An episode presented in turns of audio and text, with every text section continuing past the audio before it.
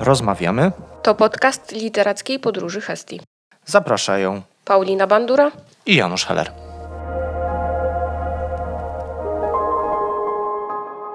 To już czwarty raz, kiedy mamy okazję się z Państwem przywitać w podcaście literackiej podróży Hestii. Rozmawiamy. Ja mam przyjemność być sekretarzem tej nagrody i reprezentować Fundację Wisławy Szymborskiej, partnera konkursu. Jego mecenasem jest Ergo Hestia. Podobnie jak w poprzednich odcinkach jest ze mną Janusz Heller z Fundacji APH, która organizuje konkurs. Dzisiaj literacko podróżujemy w rejony, na które dorośli zwykle nie mają czasu. Zaglądamy w sam środek nastoletnich wahań, problemów i międzypokoleniowych konfliktów.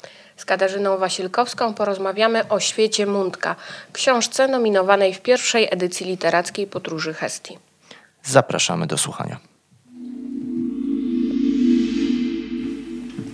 Dzień dobry, Kasiu. Cześć, dzień, dobry. Dzień dobry. E, ja mam Cię, Kasiu, trochę za ekspertkę od spraw dojrzewania, bo Twoje książki na tym w znacznym stopniu się koncentrują, szczególnie Świat Mundka, to już w ogóle nominowany do pierwszej edycji nagrody. E, I chciałam Cię zapytać, skąd ten świat dojrzewających dzieciaków znasz? No kurczę, no każdy z nas go zna, nie? Tylko, że pewnie y, różnimy się tym, y, ile pamiętamy. Y, ale generalnie ja się nie uważam za ekspertkę chyba od niczego, ale mm, mm, z, tymi, z tymi książkami i opowieściami to jest tak, że y, ja po prostu opowiadam jakąś historię. I akurat y, świat Mundka to jest y, historia rzeczywiście y, wokół tego dojrzewania, tego pierwszego takiego etapu mm, dojrzewania y, y, Osnuta. Y, ale prawdą jest, że Świat Mundka jest książką, w której rzeczywiście bardzo dużo mm, czerpałam i z własnego doświadczenia jako dzieciak, i z własnego doświadczenia jako rodzic. Czyli yy, trochę się w tym świecie Mundka ze swoim rodzicielstwem rozliczam.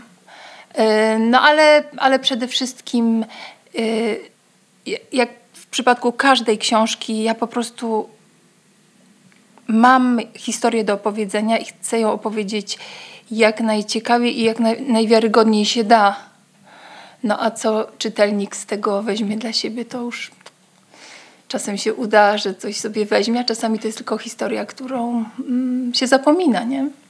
E, dorastanie i dojrzewanie to jest też takie obracanie się w, w świecie emocji negatywnych, pozytywnych. E, tak mi przyszło do głowy, żeby zapytać Cię o to, mm, co Cię skłoniło mm, do tego, żeby zajrzeć w te rejony dojrzewania, dorastania? Jaki był taki cel? To się udało przypadkiem. To znaczy to, że ja zajrzałam w te rejony, y, było wynikiem zupełnie innego mm, podejścia do tematu. Czyli y, ja chciałam opowiedzieć o rywalizacji. Y, chciałam opowiedzieć o rywalizacji, bo to zasugerowało mi wydawnictwo kiedyś tam Y, przy czym im zależało na historii dla małych dzieci. Takich powiedzmy, no małych, no wczesnoszkolnych. Czyli no pomyślałam sobie, że to jest ciekawe rzeczywiście, no ale ja mam taki właśnie problem, żeby jeżeli historia nie wypływa ze mnie, to yy, Czasem jest mi ciężko nagiąć ją tak dokładnie w ramy, y, te, te oczekiwane ramy, y, jak w tym przypadku. No ale jak zaczęłam rozkminiać ten problem rywalizacji, y, on zaczął mi się rozrastać i, i, i wychodził zdecydowanie poza tych 7, 8, 9 latków. I, no i gdzieś się pojawili ci bohaterowie, bo idąc tropem rywalizacji, nie mogłam nie dojść do rodziców, którzy są bardzo istotnym takim, y, nawet nie bodźcem, tylko takim, wiecie, pogrzebaczem, który gdzieś tam szturcha pod żebro to dziecko, żeby dalej, lepiej, mocniej, co nie zawsze jest negatywnym zjawiskiem, ale bardzo łatwo wymyka się spod kontroli i bardzo łatwo się to dzieje. I w momencie, kiedy młody człowiek wkracza na, na, na tę drogę dorosłości, czyli no właśnie, tak jak bohaterowie Świata Mundka 12-13 lat, to, to zderzenie z rodzicami to jest po prostu reaktor jądrowy. Już, nie? No to właśnie ja chciałam Cię zapytać, czy biorąc pod uwagę rodziców Ingi i tatę Mundka, ale też ciocię Tenie i pana Lolka na przykład, czy lubisz dorosłych? Bo na podstawie twojej książki nie mhm. można tego jednoznacznie stwierdzić. Mhm. Ja w ogóle lubię ludzi. Yy, I z wiekiem mam do, do nich coraz więcej wyrozumiałości.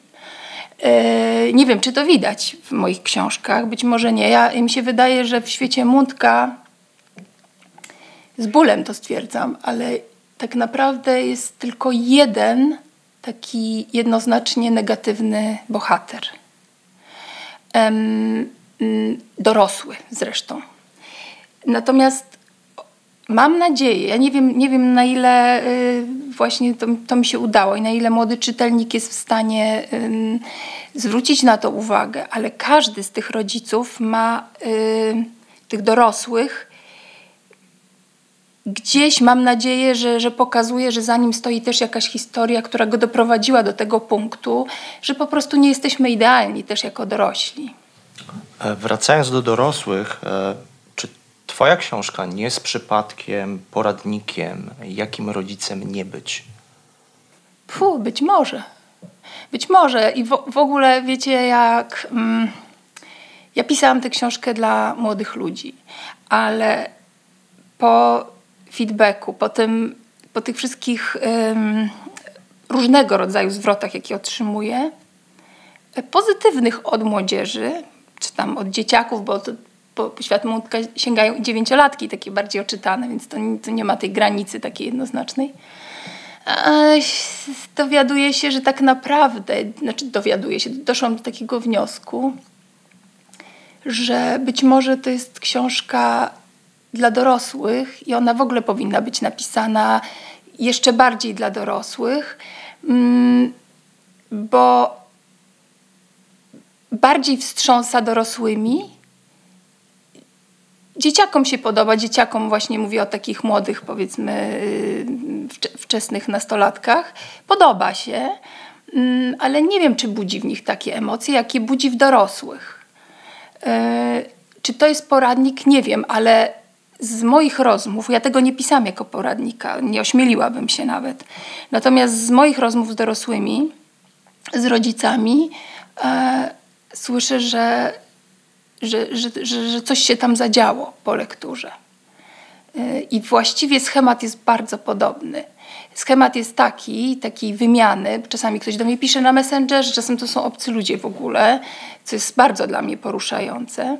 I schemat jest taki, że ludzie mówią: czytam i widzę siebie, jak miałem te 13 czy 12 lat. Zaczynają się nad sobą rozczulać i widzą i przeżywają. To, to jest moje dzieciństwo. Kurczę, ja jestem tą Ingą, ja jestem tym Mundkiem, ja jestem tam tymi bliźniakami, yy, którzy nie mogą robić też tego, co chcą, bo, bo rodzice mają inne wizje. I potem w pewnym momencie jedni wcześniej, inni później, ale jest takie bęk. Halo, przecież teraz ja jestem tym rodzicem. I ja mam tego syna, ja mam tę córkę, ja mam nie wiem ile dzieci i ja jestem już po innej stronie barykady. Ja już się nie mogę nad sobą y, tutaj rozczulać, bo ja robię to samo mojemu dziecku, a czasami słyszę, że ja tak bardzo chcę być inny niż mój rodzic, że robię, że przeginam drugą stronę po prostu. To są bardzo poruszające rozmowy, muszę powiedzieć.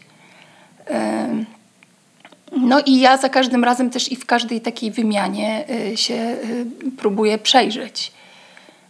Mm. Czasem wnioski są różne.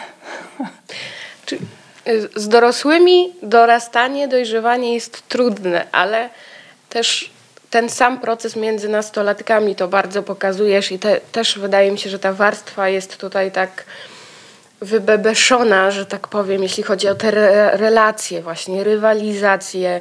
Ja cały czas trzymam, czytając książkę Kciuki za Ingę i, i czekam, aż ona im w końcu wszystkim da w gębę, bo, yy, bo yy, naprawdę może i to niekoniecznie pięścią, ale są pie te pierwsze miłości, są, jest szkoła, którą trzeba jakoś przetrwać.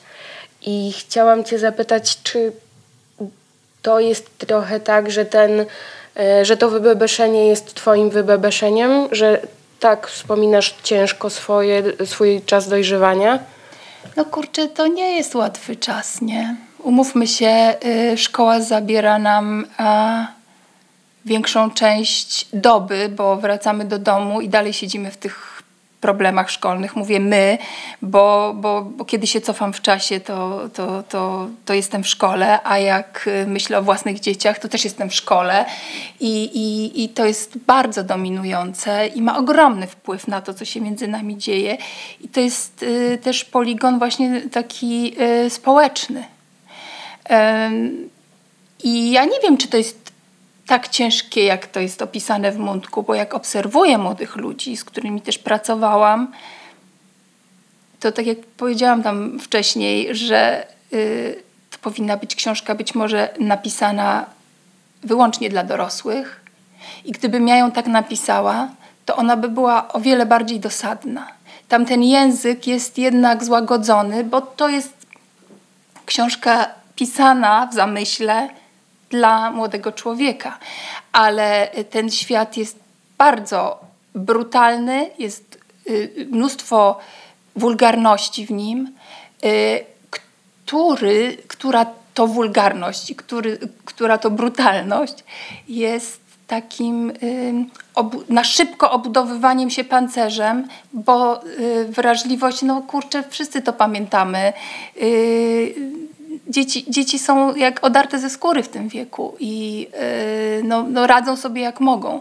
Więc właśnie takim, taką butnością, takim tupaniem nogą albo ubieraniem się, albo stawianiem rodzicom, jeżeli kogoś na to stać, żeby się postawić rodzicom, prawda? Bo nie, nie u każdego w domu to się udaje.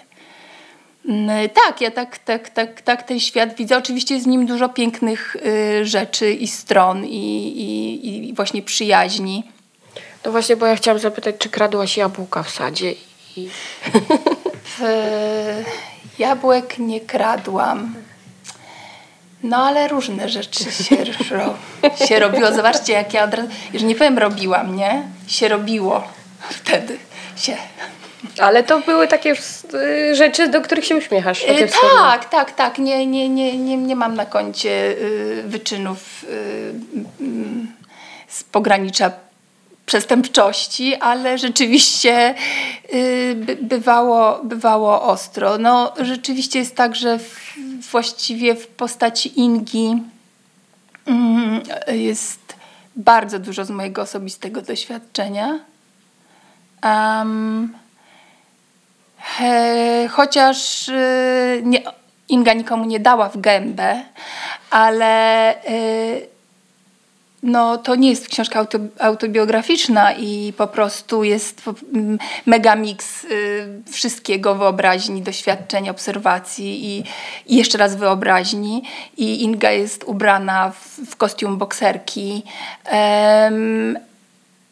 Nie pogardziłabym kostiumem bokserki w swoim czasie, czy, czy, czy tą siłą, którą, którą daje, yy, nie wiem, sport na przykład.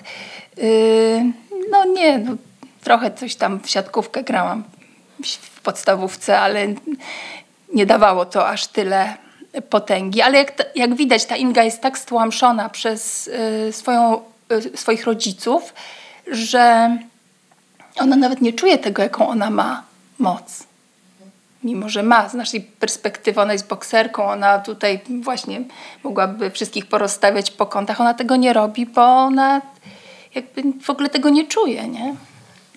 No dobrze, a chłopcy? Skąd wiesz, co myślą, czują chłopcy w wieku dojrzewania?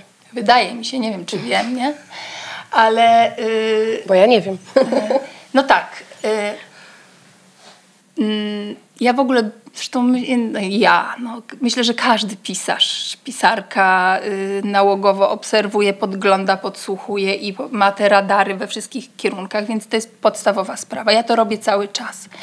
I, i no to, to, to jest, y, to nawet nie jest nauk, to jest jakaś fizjologia. No ale poza tym mam czterech młodszych braci, mam dwóch synów. Jeden już jest dorosły mocno, drugi właśnie ma w tej chwili y, w dwunastym roku życia jest. Y, no i wiadomo, ich kolegów, y, też kolegów córek, no i chłopaków, których uczyłam. Zawsze wolałam pogadać sobie niż pouczyć wszystkich rodziców, którzy do mnie dzieci przysyłali, to powinnam przeprosić, ale rzeczywiście yy, yy, to jest po prostu bardzo ciekawy świat. Yy, no i, ale czy ja wiem, co chłopcy myślą? Nie wiem. No, wydaje mi się, że wiem. Ale czy to tak się da łatwo ocenić? Czy wiemy, co chłopaki czy dziewczyny myślą? To są studnie, nie? Wszystko. Planety.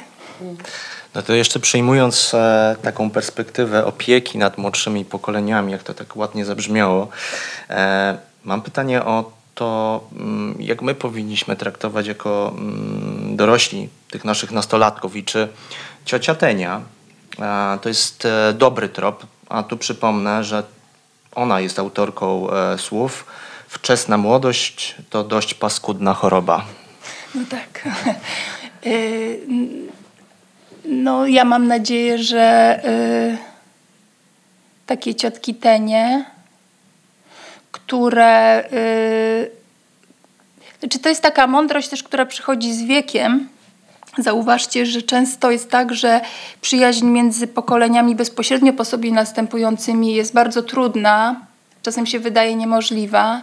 Jest taki konflikt wdrukowany już, a z drugiej strony wystarczy odstęp tego jednego pokolenia, czyli relacja wnuk-babcia na przykład, czy tak jak tutaj ciotka też w tym pokoleniu babciowym, e, jest e, dużo bardziej możliwa. I ja, mi się wydaje, że, że to trochę wynik. Na przykład ja mieszkałam z moją babcią e, od 15 roku życia.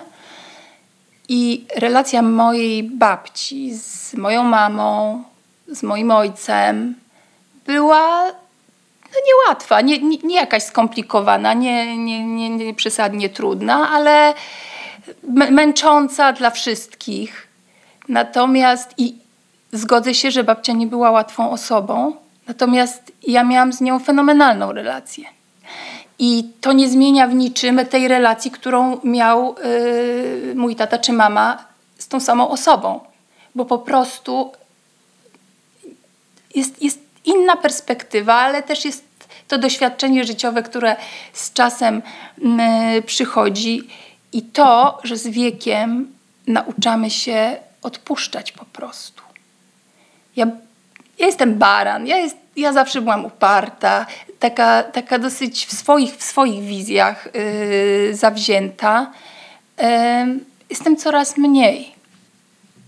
Nie? I to, to, to, to nie jest na tej takiej, to no nie, odbi- mm, nie wychodzi w tym, że e, olewam wszystko, nie? Ale po prostu jest mi łatwiej odpuszczać i też mi w związku z tym jest łatwiej chyba rozumieć y, dzieci, nie? Znaczy więcej tego dystansu jest dzisiaj, tak mi się wydaje, no. Ja sobie też myślę, bo ty Janusz jesteś wujkiem dopiero od niedawna. Właśnie, gratulacje. Dziękuję. A ja jestem już ciocią troszkę i mogę ci powiedzieć, że bycie ciocią i wujkiem jest bardzo fajną sprawą i myślę sobie, że to jest też kwestia dystansu. Tak. Tego, że jak tak. jestem rodzicem, to strasznie mi zależy. E, jak jestem ciocią, to też mi strasznie zależy, tylko łatwiej mi jest hmm. popch- znaczy popchnąć, powiedzieć, dobra, spróbuj. Mhm. Wrócisz, to ci wyjaśnię. Nie? Tak, ja myślę, że to jest też ta kwestia odpowiedzialności, którą się czuje. Bo nawet nie tej realnej, tylko tej, którą się czuje. Rodzic się czuje cały czas pod tablicą, rozliczany, tak. albo jak zrobię, to już będzie, to już koniec, przepadło, nie? Na przykład. Znaczy, jeżeli tego nie powiem w porę, na przykład, nie? Z tym mówieniem. To i tak nie działa. Więc właśnie. Tak, tak. E, mam takie dwa pytania słowotwórcze. E, czy Mundka można spolszczyć i czy można go nazwać świadkiem Przez te. przez te? Y, y, w sensie, Małym Mund- światem. tak, światek, że to jest taki światek, mundka jego, Mhm. tak? Mhm. Tak, pewnie. Drugie pytanie słowotwórcze e, dotyczy tych Twoich wielu nacechowanych nazw, e, nazw znaczących, bo tylko przypomnimy naszym słuchaczom e, Leokadię Ściernopolską, e, panią Majtkowy Róż, e, ciocię Tenię, którą, o której już e, mówiliśmy, żylastą blondynę, Ryżego Grubaska, no i też miasto, kopytka i tak dalej. E, One na poziomie skojarzeniowym śmieszą, ale mm, też prowadzą do bardziej rozbudowanych konkluzji. I e, ja mam takie pytanie, dlaczego posługujesz się tak rozbudowaną, taką paletą stylistyczną, tak byśmy ją sobie nazywali? E, Czy poza kwestiami warsztatowymi chcesz powiedzieć coś więcej? Wiesz co, to jest takie dosyć intuicyjne, nie? To pisanie w takich rzeczy. E, ale te, te, te, mm, te określenia, które y, przytoczyłeś, y, pani Mania Majtkowy-Róż, czy Pocałuj mnie w Nike, Klaudia i tak dalej, to są, zauważcie, y, tylko w kontekście Ingi pojawiające się określenia. Inga tak sobie ludzi. Myślę, że to też jest taki jej oręż trochę, żeby się dystansować, żeby, żeby stwarzać sobie taką granicę, barierę przed tym światem zewnętrznym, przez który ona jakoś tam się czuje atakowana. I yy, na przykład teraz sobie to pomyślałam, ja tego nie zrobiłam celowo, ale teraz sobie pomyślałam, że o panu Lolku nie ma. Pan Lolek jest panem Lolkiem, tam się nie pojawia nic takiego. A wszystkie osoby, które gdzieś do, ona coś do nich ma, e, może nie wszystkie, ale to, to się często e, tam rzeczywiście pojawia, to, to, to jest taki jej taka szpilka, którą ona w głowie wtyka tym ludziom, którzy jej tam jakoś bróżdżą, powiedzmy, czy zagrażają. E, I Może A- próbuje ich oswoić. czy, czy sobie oswaja, no jakoś ona się czuje cały czas w takiej gotowości, w jakimś takim bojowym nastawieniu, więc być może, być może jest, to, jest to taki zabieg. E, powiem tylko jeszcze, jak chodzi o kopytka, bo z kopytkami to była taka sprawa, że ja w ogóle nie chciałam nazywać tego miasteczka. I ono w pierwotnej wersji było bez nazwy. Było miasteczko z małej litery, a najbliższym y, jakimś większym ośrodkiem było miasto z wielkiej. I to miasto z wielkiej tam jest. O, poza tym są normalnie, jest Łódź, jest y, Warszawa. I wydawnictwo uparło się, żeby wprowadzić y, y, nazwę mm, miasteczka, że tak nie może być i dyskutowaliśmy bardzo nad tym. Y, A ponieważ tych dyskusji było bardzo dużo i ja w 90% postawiłam na, na swoim, oddałam te kopytka i musiałam tam wymyśleć różne rzeczy później, bo tam jest herb z raciczką i, i jakieś takie, takie elementy. Y, Natomiast założenie moje było takie, że to jest tak zapieziałe miasteczko i tak przykurzone, że właściwie ta nazwa jest kompletnie nieistotna. I musiałam wymyśleć taką nazwę, która też będzie jakoś nieistotna i jeszcze nie będzie jej na mapie Polski.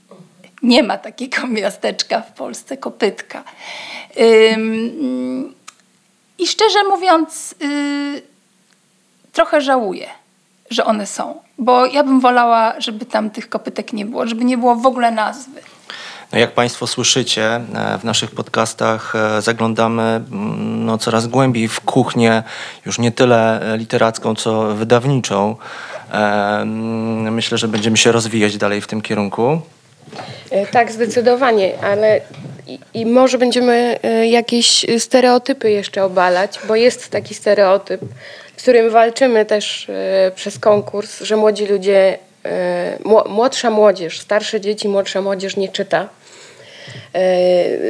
I badania czytelnictwa i moje doświadczenia z pracy w księgarni temu przeczą. I wiem, że ludzie czytają, młodzi czytają, czasami tylko nie mają czego czytać, albo ci, którzy im kupują, nie wiedzą, co powinni im kupować do czytania. I tu jest moja prośba do ciebie, czym się kierować, bo nie, nie proszę o konkretne tytuły, bo tutaj jest zbyt szeroka, szeroka paleta możliwości, ale y, kilka wskazówek, czym się kierować, kiedy kupuje się książkę dla kogoś w wieku 10. Plus. No najlepiej, jeżeli można sobie z kimś porozmawiać, y, na przykład w księgarni, dlatego w tym wypadku sprawdza się no, ten kontakt bezpośredni, czyli rozmowa z księgarzem i wtedy w mniejszej księgarni, a niekoniecznie w wielkiej, bo tam się często pracownicy zmieniają i nawet nie wiedzą, co mają na półkach, z całym szacunkiem dla osób pracujących w, w dużych sklepach. A oprócz tego, y, no i, i też wtedy internet, o ile się nie, nie, nie, nie szuka, nie wiem, jakichś poradników, y, ale to też jest oczywiście mylące, no rozmowa, no, czy bibliotekarze oczywiście, gdzie też dużo wiedzą i, i mogą podsuwać różne tytuły, ale ja bym powiedziała, czym się może nie kierować. Nie kierować się ym, tym, że coś musi być przeczytane.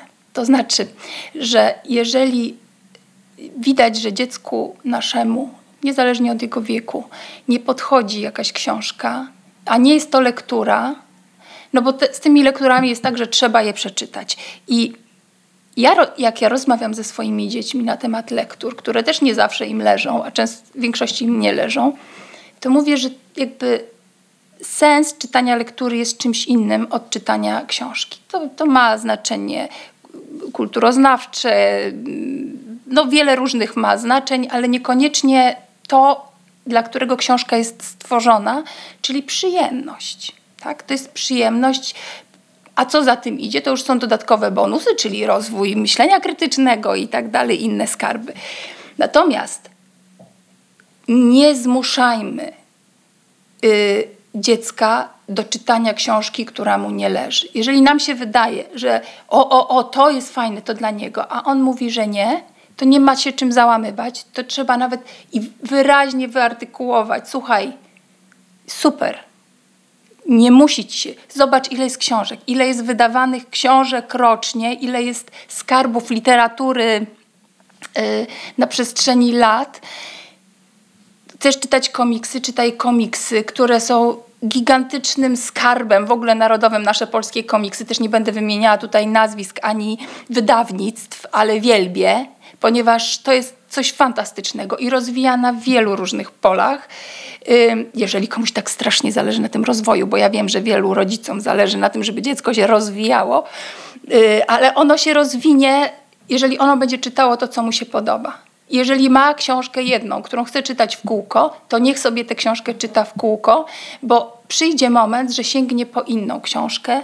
A i warto jeszcze może powiedzieć dziecku, że albo podsunąć tę samą książkę za jakiś czas, bo jeżeli uważam, że ona jest warta uwagi naszego dziecka, to warto spróbować za jakiś czas i powiedzieć: Słuchaj, nie pasowała ci te dwa lata temu, ale spróbuj dzisiaj. I to bardzo często działa, ale jeżeli nadal nie, się nie podoba, luz, są inne książki. E, wracamy na chwilę do Mundka i do jego świata. E, w Twojej książce mm, bardzo wyraźnie rysujesz ten konflikt międzypokoleniowy, rodzice, dzieci itd. Tak moje pytanie dotyczy szansy na porozumienie. Czy Ty widzisz szansę na porozumienie między pokoleniami? No pewnie. No, tak naprawdę niewiele trzeba. Yy, zauważcie, co bardzo często mówią dorośli. Dorośli mówią, wzdychając nad swoimi problemami codzienności, mówią: Kurczę, jak ja bym chciał mieć znowu tyle lat, co ty, 10 lat, 11 lat, ja bym chciała mieć 5 lat, o, wtedy beztroskie dzieciństwo, cudowne dzieciństwo. I za chwilę ten sam rodzic gdzieś tam w rozmowie z koleżanką z pracy albo z sąsiadką przez płot słyszy jak, jakie strasznie przerąbane dzieciństwo miała ta osoba. Jak tego nie mógł, tamtego nie mógł. No to halo, albo jest to beztroskie dzieciństwo, albo to jest, y, nie wiem, jakiś raj, prawda? I, znaczy, albo to jest jakaś katorga. Y, a oczywiście prawda leży po środku, bo to życie jest tak samo trudne i tak samo wspaniałe na każdym etapie naszego życia, tylko różnimy się tym doświadczeniem. I y, jeżeli rodzic pochyli się nad własnym dzieciństwem i spojrzy to, co mówiłam wcześniej o tym, co mi mówią rodzice, że oni najpierw widzą siebie, czytając Świat Mątka, a potem nagle widzą siebie jako tego rodzica.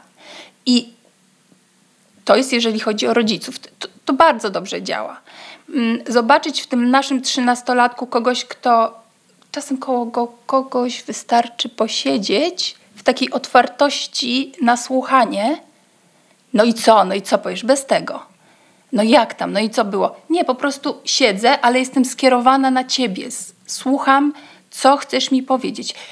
On może nic nie powiedzieć za pierwszym razem, za drugim, za trzecim, bo czasami za dużo gadamy po prostu. Zagadujemy te ich uczucia, te ich myśli, oni nie mają przestrzeni. Albo trafić z tym pytaniem bardzo prostym, jak się czujesz, jak się teraz czujesz, albo jak się z tym czujesz, i dać mu jej to powiedzieć po prostu. To jest, y, jeżeli chodzi o dorosłych, a dzieci też warto być wobec dzieci szczerym, to znaczy nie kłapać i narzekać na swoje ciężkie życie cały czas, ale czasami potraktować go jako partnera, którym oczywiście nie jest, bo jest dzieckiem i my mamy stwarzać opiekę i mamy mu bezpieczeństwo zapewniać, to jest wszystko prawda, ale żeby on mógł, ten młody człowiek, nabrać szacunku do samego siebie, warto go tak właśnie potraktować, czyli powiedzieć mu: Słuchaj, nie zrobiłam obiadu, weź se odgrzej, bo ja jestem dzisiaj tak zmęczona, że nie dam rady. Ale zrobimy sobie jakąś fajną, zrobię jakąś fajną kolację na przykład. Nie w sensie, że świecę, tylko w sensie, że ja to zrobię dla ciebie.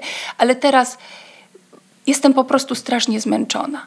I mówić o swoich uczuciach, nie, że nie weź mi tu, nie trzaskaj, nie kłap, bo coś tam, bo ja nie chcę tego. Po prostu jestem zmęczona. Żeby dziecko też miało szansę zrozumieć, że rodzic nie jest ze stali i że też ma w pracy problemy, że są małżeńskie problemy, które dziecko widzi, a nie zaklepywanie, zamiatanie pod dywan. Nie chodzi o to, żeby mu się spowiadać, czy zwierzać ze swoich problemów, ale jasno zakomunikować, ja się dzisiaj źle czuję, bo mam po prostu, no bo tak po prostu jest. A czy myślisz, że takim kluczem do rozwiązania tego sporu pokoleniowego mogą być właśnie książki młodzieżowe? Czy ty czytujesz takie książki i co w nich cenisz z literatury współczesnej młodzieżowej? No, oczywiście czytuję. Yy, czytam i yy, nie wiem, dla mnie chyba najważniejsze są wiarygodne emocje, które we mnie budzi książka, bo wtedy yy, wierzę w historię. E, w ostatnim czasie e, Stan splątania Roxany Jędrzejewskiej-Wróbel. Bardzo mi się podobała ta książka. Mm, no i oczywiście jest cała, cała rzesza też innych polskich autorów i, i, i, i nie no, naprawdę jest tego dużo. Y, ale tak, na, najważniejsze dla mnie jest jakaś taka wiarygodność. Y, historia nie musi być realistyczna, może być sobie to świat fantazy, Czytam też takie książki, w których jest tak wspaniały, nie wiem, cała seria o lustrzannie na przykład, która jest fantastyczna, natomiast jak się przyjrzeć relacjom yy, tych, tym, tym międzyludzkim, yy, no to one są tam naciągane tak, jak jest do historii to potrzebne, ale to jest wspaniała rozrywka, to jest świetna rzecz. Yy, natomiast yy, dla mnie tak, na, na, to ma największą wartość i tak mi się wydaje, że jeżeli coś jest w stanie poruszyć czytelnika, yy, to zawsze go gdzieś uruchomi. I niezależnie od historii, niezależnie od opowieści, a jeżeli coś kogoś uruchomi, to tam się już dzieje, to, to już się dzieje samo. Wszyscy mamy jakąś mądrość, jakieś doświadczenie i nie, nie, nie można każdemu mówić, jak ma żyć. E, człowiek sam do tego dochodzi i to jest największy zysk i to jest najtrwalsze i z tego najlepsze rzeczy wynikają, jeżeli ktoś dochodzi sam do, do, do, do swoich y, przemyśleń i wniosków. To życzymy sobie takich książek więcej. Zaczynamy przygotowania do drugiej edycji, więc będziemy takich Czekam z niecierpliwością, bo też, też będę czytać. Bardzo dziękuję Ci za rozmowę. Ja Wam Kasiu. pięknie dziękuję. Do Dziękujemy. usłyszenia. Do usłyszenia. Do usłyszenia.